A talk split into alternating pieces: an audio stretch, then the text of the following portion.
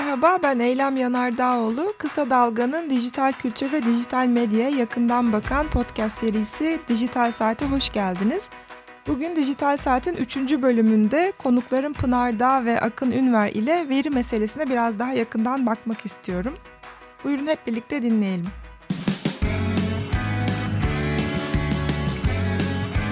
Oku, dinle, izle. Kısa Dalga.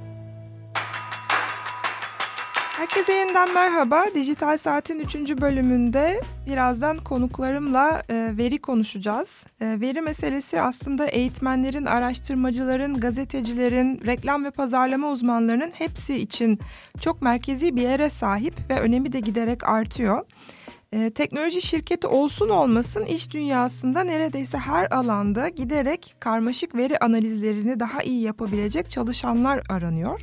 Dijital dünyada yapay zeka teknolojisi gibi yeni teknolojiler sadece bu saydığım alanlarda değil, yüksek öğretimde, sanatta ve tıp alanında da yeni birer araştırma mecrası olarak karşımıza çıkmakta. Verilerin işlenmesi, bulunması, analiz edilmesi şirketlerin en çok talep ettiği özelliklerden. Bazen bunu büyük veri ya da küçük veri gibi değişik kavramlarla duyabiliyoruz ve pazarlama uygulamalarında sık sık karşımıza çıkıyor. Özellikle dijital medya kullanıcılarının bıraktığı dijital ayak izlerini ileri teknolojiler kullanarak toplanabildiğini, kaydedildiğini ve yeni iletişim stratejileri ve içgörüler elde etmek için kullanıldığını biliyoruz. Öte yandan pandemi 2020 ve 2021 yıllarında aslında hem iş dünyasına hem gazeteciliğe damgasını vurdu. Burada bir e, disruption yarattı. Bazı şeyleri artık eskisi gibi yapmıyoruz. Bir dijital dönüşümün içerisinden geçiyoruz. Bu dönemde de gazetecilik üzerine yapılan çalışmalarda örneğin yanlış bilginin dolaşımının geçen yıllara göre daha çok arttığı gözlemlendi.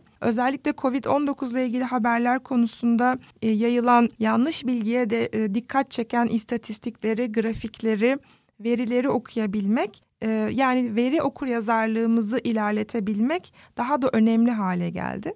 Bugün Pınar'da ve Akın Ünver ile bu konuları biraz daha yakından ele alacağız.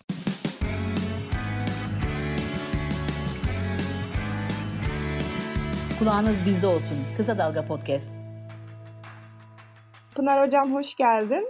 Hoş buldum. Merhaba hocam. Merhabalar. Öncelikle seni biraz tanıtmak istiyorum. Pınar'da e, hem e, pek çok üniversitede büyük veri ve veri gazeteciliği gibi dersler veriyor. E, aynı zamanda da Veri Okuryazarlığı Derneği kurucu üyesi. E, dernek de belki pek çoğunuzun bildiği gibi aslında veriyi okuma, veriyi analiz etme, yeniden değer yaratma becerilerini kazandırmak üzere kurulmuş e, 2018 yılında. Derneğin önem verdiği konulardan bazıları da aslında veri okuryazarlığına, veri e, yönetişimine, onun alt kategorilerine dair e, hem bir çalışma yapma hem bir literatür oluşturma ve açık lisans, açık veri, veri etiği gibi pek çok konuyla ilgileniyorsunuz. E, ben hemen sormak istiyorum e, Pınar'cığım, e, veriyi nasıl tanımlıyoruz ve e, günümüz toplumlarında nasıl ve neden e, en önemli değerlerden biri haline geldi?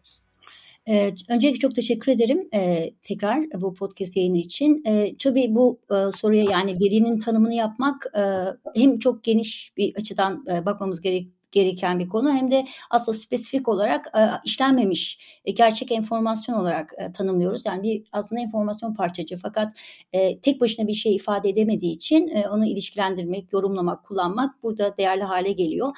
Ama biz veriyi mesela ölçerek, sayım yoluyla, deney yoluyla, gözlem yoluyla ya da araştırarak elde ediyoruz ve sayısal olarak elde ettiklerimiz nicel veriler ve nitel veriler olmak üzere iki türe ayrılıyor. Ama önemini tabii ki şöyle düşünmek gerekiyor. Her sembolik gösterimde olduğu gibi veri de aslında tek başına yani e, bir bilgiyle ve enformasyonla karşılaştırdığımızda soyutluluk düzeyi anlamında aslında tek başına hiçbir şey ifade etmiyor. Bir bütünlük sağlayabilmesi için biz o verinin hani veri dediğimiz şeyi e, gruplayıp e, sıralayıp filtreleyip özetlememiz gerekir. Yani analizini yapmamız gerekir ki e, bu artık bizim için bir bağlama oturabilsin. E, önemi açısından da yani tanımını anlamak önemli ama nasıl kullanabileceğimiz ya da e, günümüz için neden e, önemli hale geldiğini tartışmak da e, şu bağlamda e, etkili. Aslında dijitalleşme yani ilkel data, dijitalleşen data ya da doğuştan dijitalleşmiş olan veri ve benzeri birçok kavram hayatımıza girince aslında e, önemi e, katlanarak artıyor. Yani veriyi kullanan, kullanmayı bilen, işleyebilen, ondan değer yaratan, problemini çözen, karar alabilen,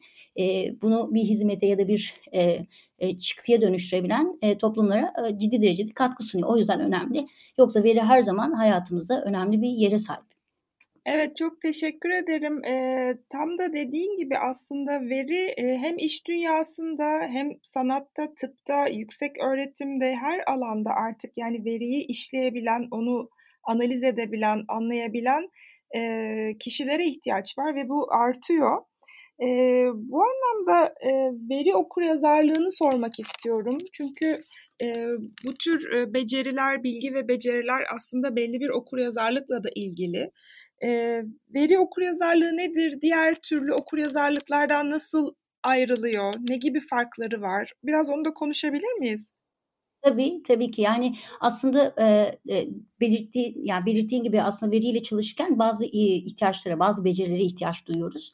E, bu beceriler veriyi nasıl toplayacağımızı e, gerçekten e, bilmek, e, veriyi nasıl bir araya getireceğimizi bilmek ve topladığımız verinin niteliğini, kalitesini anlayabilmek ve onu yorumlayabilmek, yani analiz edebilmek ve ardından onunla e, yani görselleştirme olabilir ya da işte başka bir çıktı olarak e, e, nihayetinde kullanabilmek. Aslında biz e, veri okuryazarlığını veriyle çalışırken ihtiyaç duyduğumuz becerinin bütün olarak tanımlıyoruz. Her disiplin kendine göre yorumluyor. Mesela işte sağlık verisinde sağlıkla çalışanlar işte sağlıkla veri okuryazarlığı şeklinde tanımlıyor ya da istatistiki okuryazarlık olarak tanımlıyor ama e, özetle aslında veriyle olan ilişkimizin daha akıcı, daha doğru, daha fayda odaklı gelişmesini sağlayan beceriler bütünü.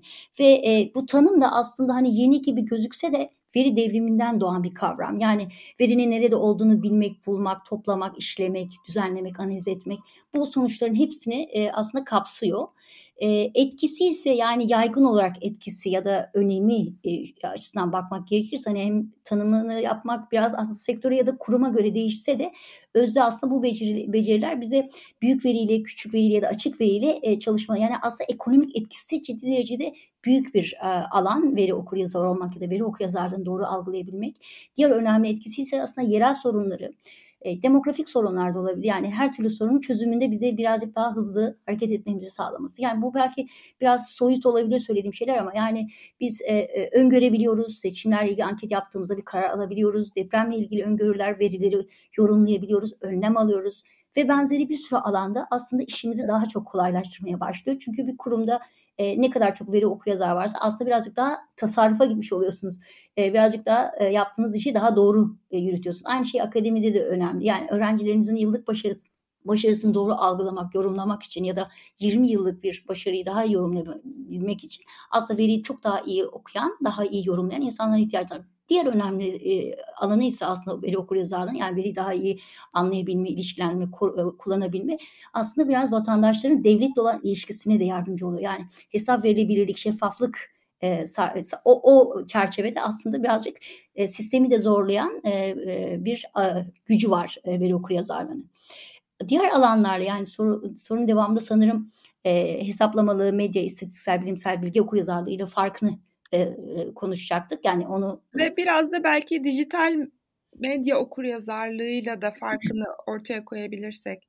Evet tabii olur yani şöyle aslında veri okuryazarlığı yani tanımının barındırdığı tutum ve beceriler aslında bu işte altı tane e, okuryazarlık türü var. E, bu hani sayı artı da bilir aslında ama e, bu altı okuryazarlık türünden aslında çıkıyor. Çünkü e, yani veri okuryazarlığı bu altı yaklaşımın altısıyla da etkileşime giriyor. E, bunların oluşturduğu temeller üzerinde yükseliyor aslında. Hani bunlardan çok kopuk değil. E, daha geniş, daha kapsayıcı bir tanım olarak çıkıyor. Yani sadece siz medya okuryazarlığını tanımladığınızda aslında e, veri okuryazarlığı biraz onun birazcık daha üstünde yükselen bir e, e, kavram olarak karşımıza çıkıyor. Yani bu tanımın yanı sıra ayrıca yani doğası gereği de aslında verinin kendisi de okuryazarlığın bir e, yani her bir alt türünden e, öğeler, ilkeler barındırdığı için e, okur yazarlığının tam böyle okur yazarlık tanımının dışında birazcık daha genel bir çerçevede bize e, e, bir e, tanım çiziyor. Yani farkı şu aslında hani belki biraz karışık anlatıyorum ama e, dijital okuryazarlığı tanımladığımızda dışarıda kalmaması gereken tanımlardan birisi veri okuryazarı. Çünkü bazı becerilere ihtiyacınız var. Sadece medya medya içeriğini okumak yeterli olmayabiliyor. Onu ilişkilendirebileceğiniz alt becerilere ihtiyacınız var. Yani doğal olarak veri okuryazarlığı aslında bu alanlarla etkileşimle hatta bu alanlarla birlikte yükselen bir e, ana çatı tanım diyebiliriz.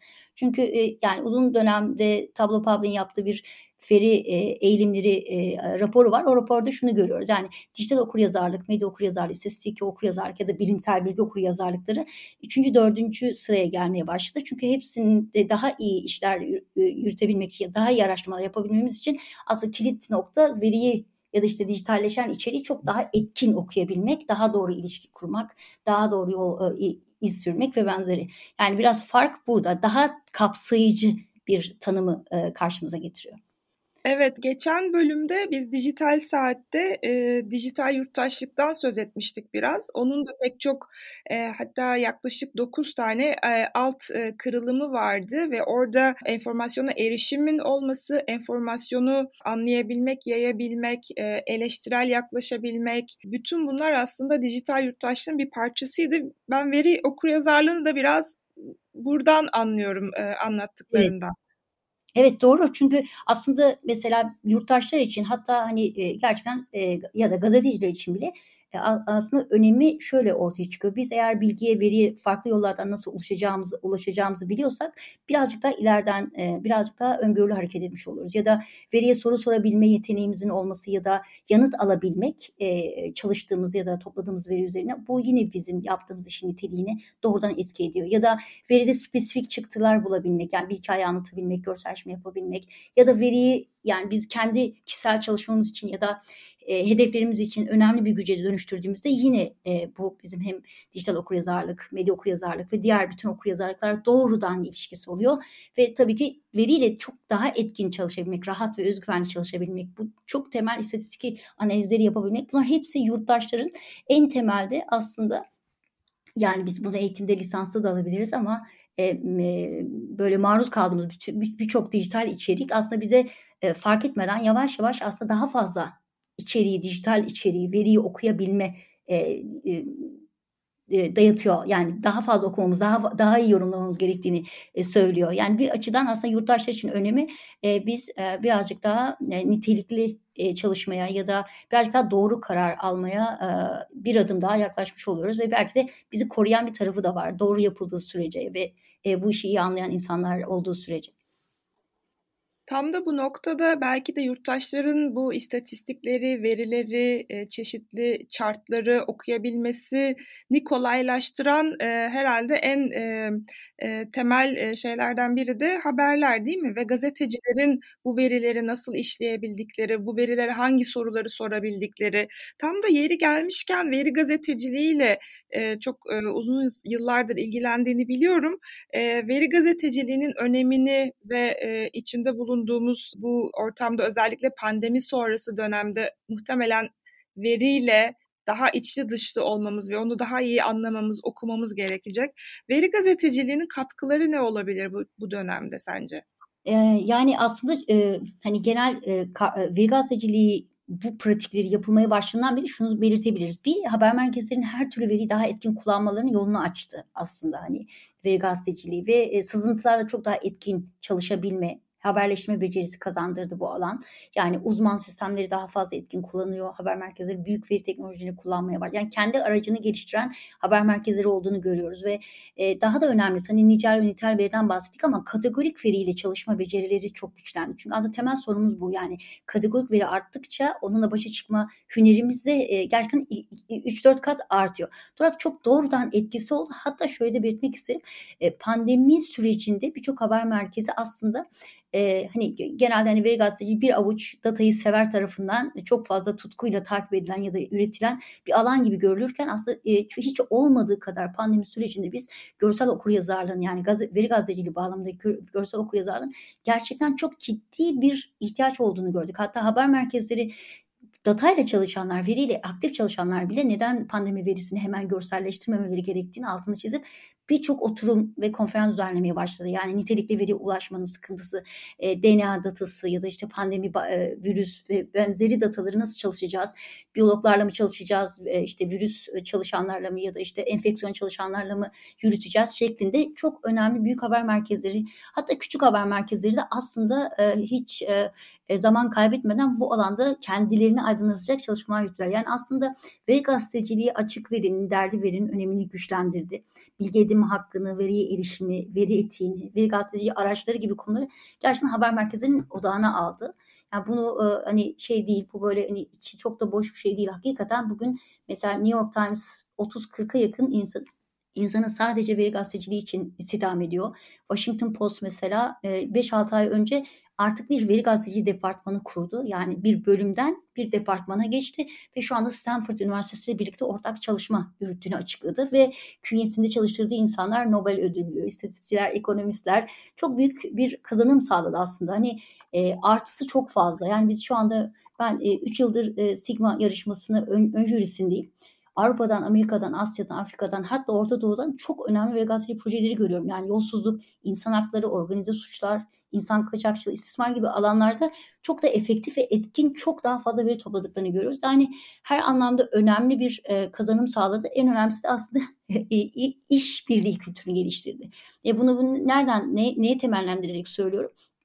Mesela datajournalism.com, e, GIJN.org kurumları düzenli olarak gazetecilerin becerilerinin nasıl geliştiğini, zaman içerisinde nasıl evrildiğini gösteriyor ve burada şey görüyoruz. Çok ciddi bir e, e, kod e, programlama öğrenme bilgisi arttığını, analizle etki şekilde çalışabilen, yani analiz yapabilen gazeteci sayısının arttığını görüyoruz. Yani e, hem doğrudan çok büyük bir etkisi oldu hem de çalışma kültürünün hem de dijital içeriğin nasıl daha etki şekilde haberin bir parçası olduğunu öğrendik aslında ve öğrenmeye devam ediyoruz ve gazeteciliği e, sayesinde.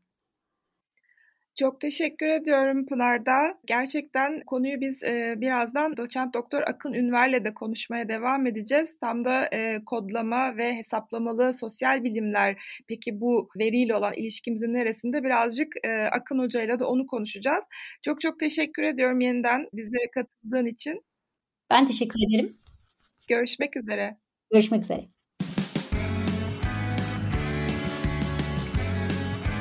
Oku, Dinle, izle. Kısa Dalga. Yeniden merhaba. Az önce söylediğim gibi doçent doktor Akın Ünver ile devam edeceğiz bugünkü podcast söyleşimize. Akın Ünver Özyeğin Üniversitesi Uluslararası İlişkiler Bölümü öğretim üyesi. Aynı zamanda yaptığı çalışmalarda uluslararası ilişkilerin terör, çatışma, savaş ve güvenlik alanlarına odaklanıyor. Son zamanlarda daha interdisipliner metotlarla, daha melez metotları kullanarak internet ve sosyal medyanın çatışma, uyumsuzluk, kriz ve acil durumlarda nasıl kullanıldığıyla e, ilgileniyor. Bu konularda çalışmaları var.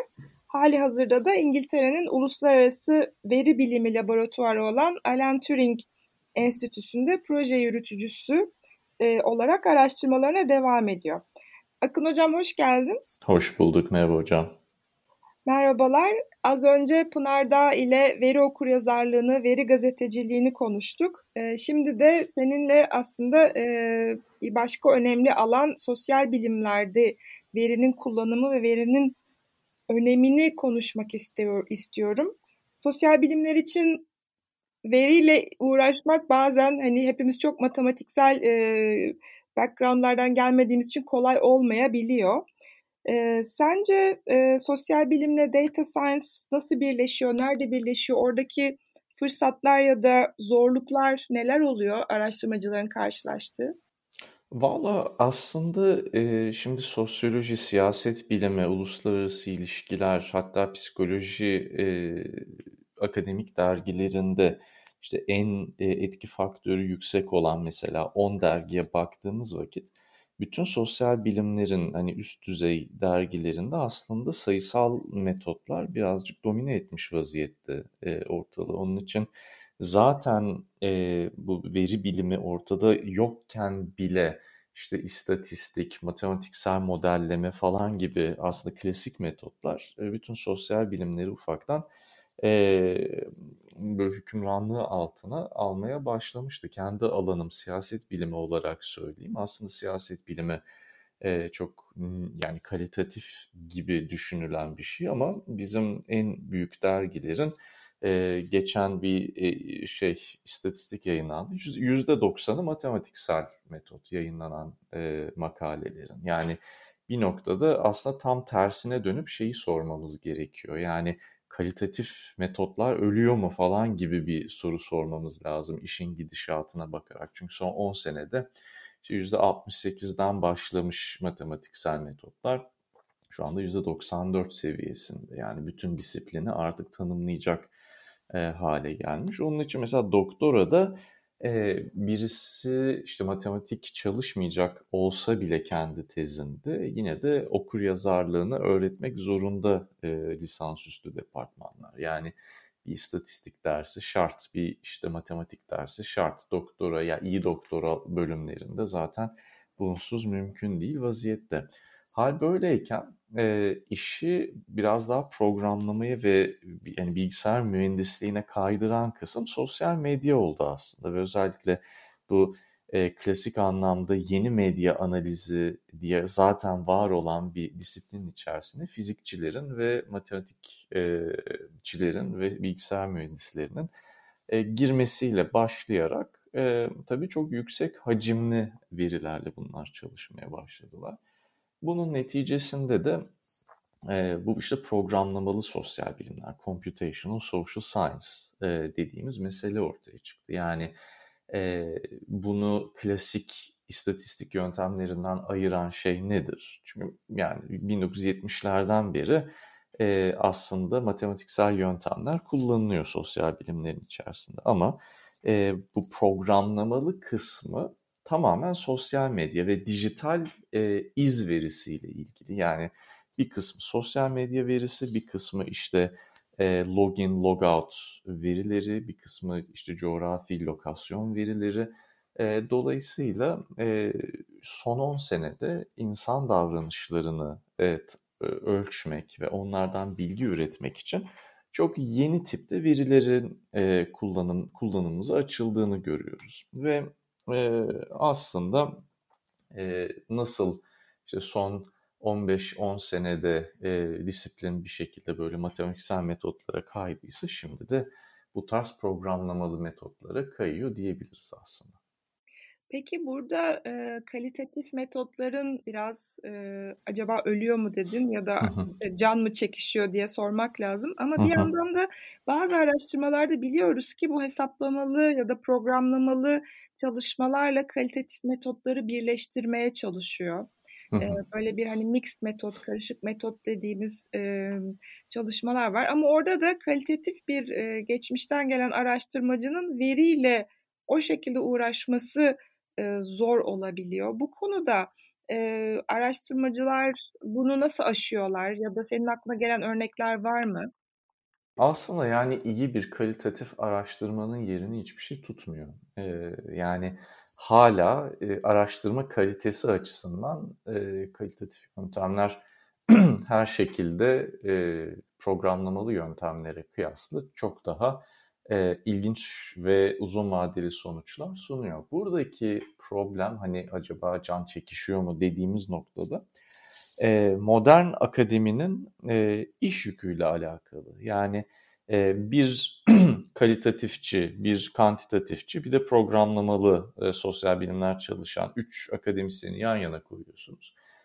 İyi bir kalitatif araştırma en iyi ihtimalle bir buçuk iki sene e, süren bir şey olduğu için e, daha veri toplama ve veri analiz noktasına geldiğinde e, programlamalı sosyal bilimci işte 4 milyon veri çekip onu çoktan analiz edip 5 tane makale e, submit etmiş noktaya geliyor. Yani bu biraz modern akademinin o tüketim ve üretim kriziyle ilgili de e, mesele. Evet. E, dolayısıyla şimdi e, iyi üniversiteler dediğimiz üniversitelere baktığımız vakit tabii ki e, kalitatifçiler her zaman var.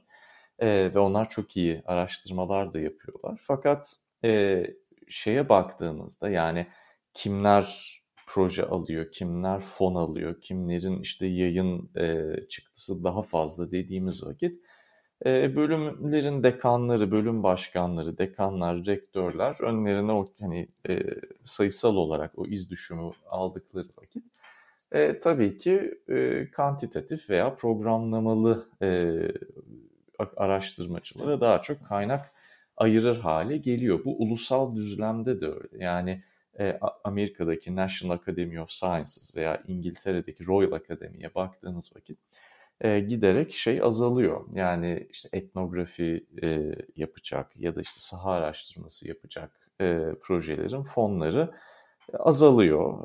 Bu tarz işte yüksek hacimli son 10 senenin e, Twitter analizini yapacağım. 140 milyon tweet veri setiyle falan tarzında araştırmaların daha çok fon aldığını görüyoruz. Dolayısıyla bu aslında bir akademik piyasa e, krizi sebebiyle böyle oluyor diyebilirim. Evet çok aslında önemli bir noktaya değindin bizim açımızdan yani sosyal bilimciler, araştırmacılar açısından. Ee, bir de şeyi sormak istiyorum. Bir süredir de bu programlamalı sosyal bilimler yaz okulunu yürütüyorsun, yürüttün. Burada gözlemlerin neler oldu?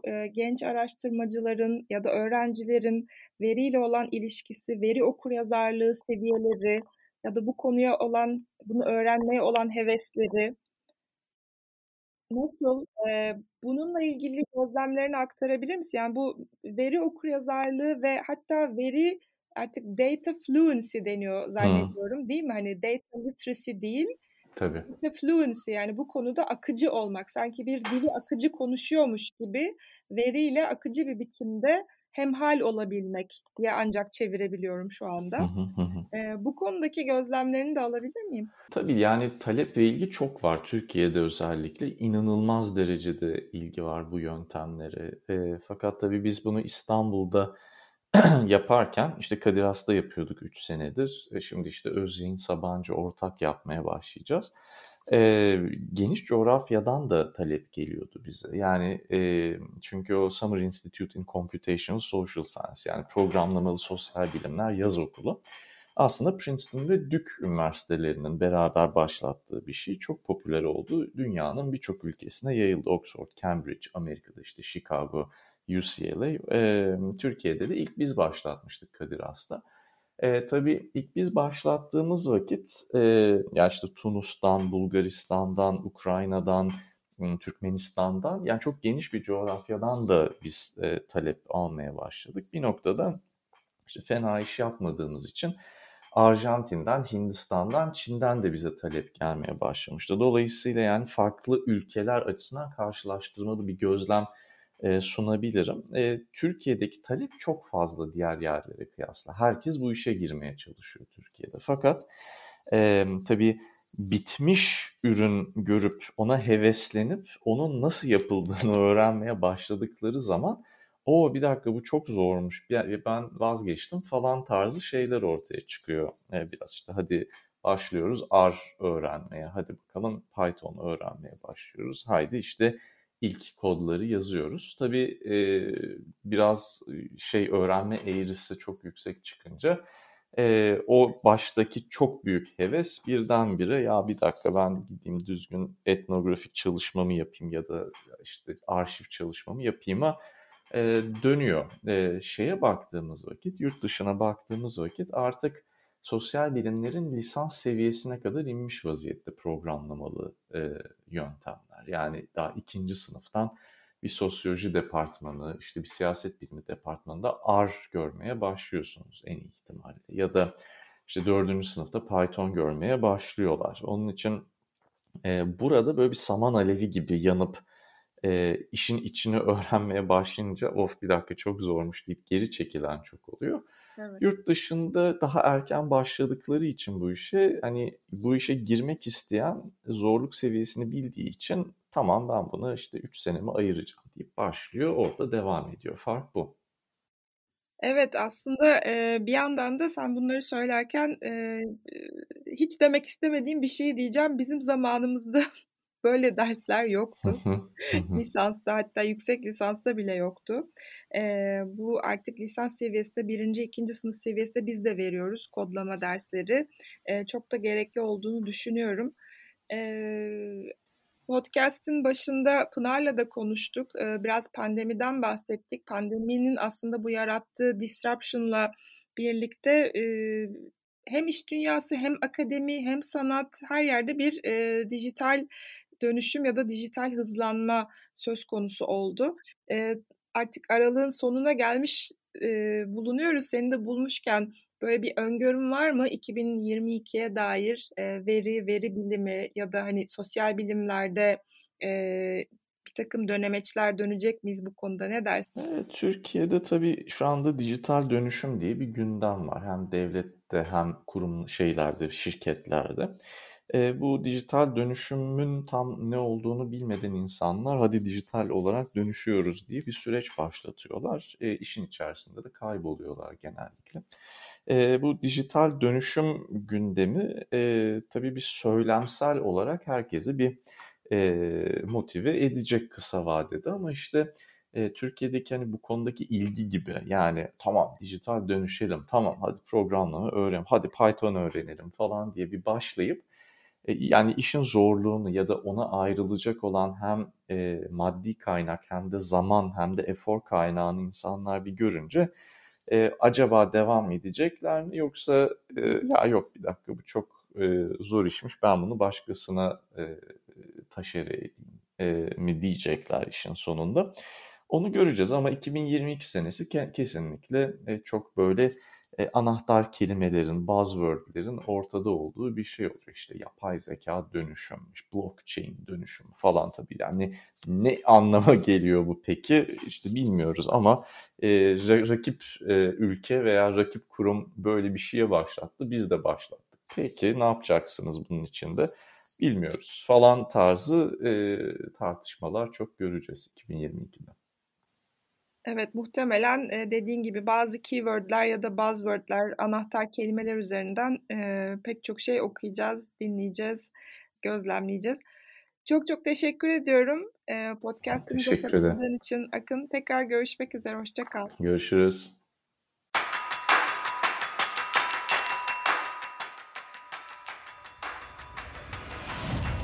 Dijital Saat'in 3. bölümünde Pınar Dağ ve Akın Ünver hocalarımla birlikte veri konusunu hem gazetecilik açısından hem de sosyal bilimlerde programlamalı araştırmalar alanında yaşanan e, değişimler ve dönüşümler açısından ele aldık. Bir sonraki Dijital Saat'te görüşmek üzere. Kısa Dalga podcastleri Demet Bilge Erkasab'ın editörlüğünde Mehmet Özgür Candan'ın post prodüksiyonu ve Esra Baydemir'in hazırladığı görseller ile yayınlanıyor. Kısa Dalga'ya destek vermek için Patreon sayfamızı ziyaret edebilirsiniz.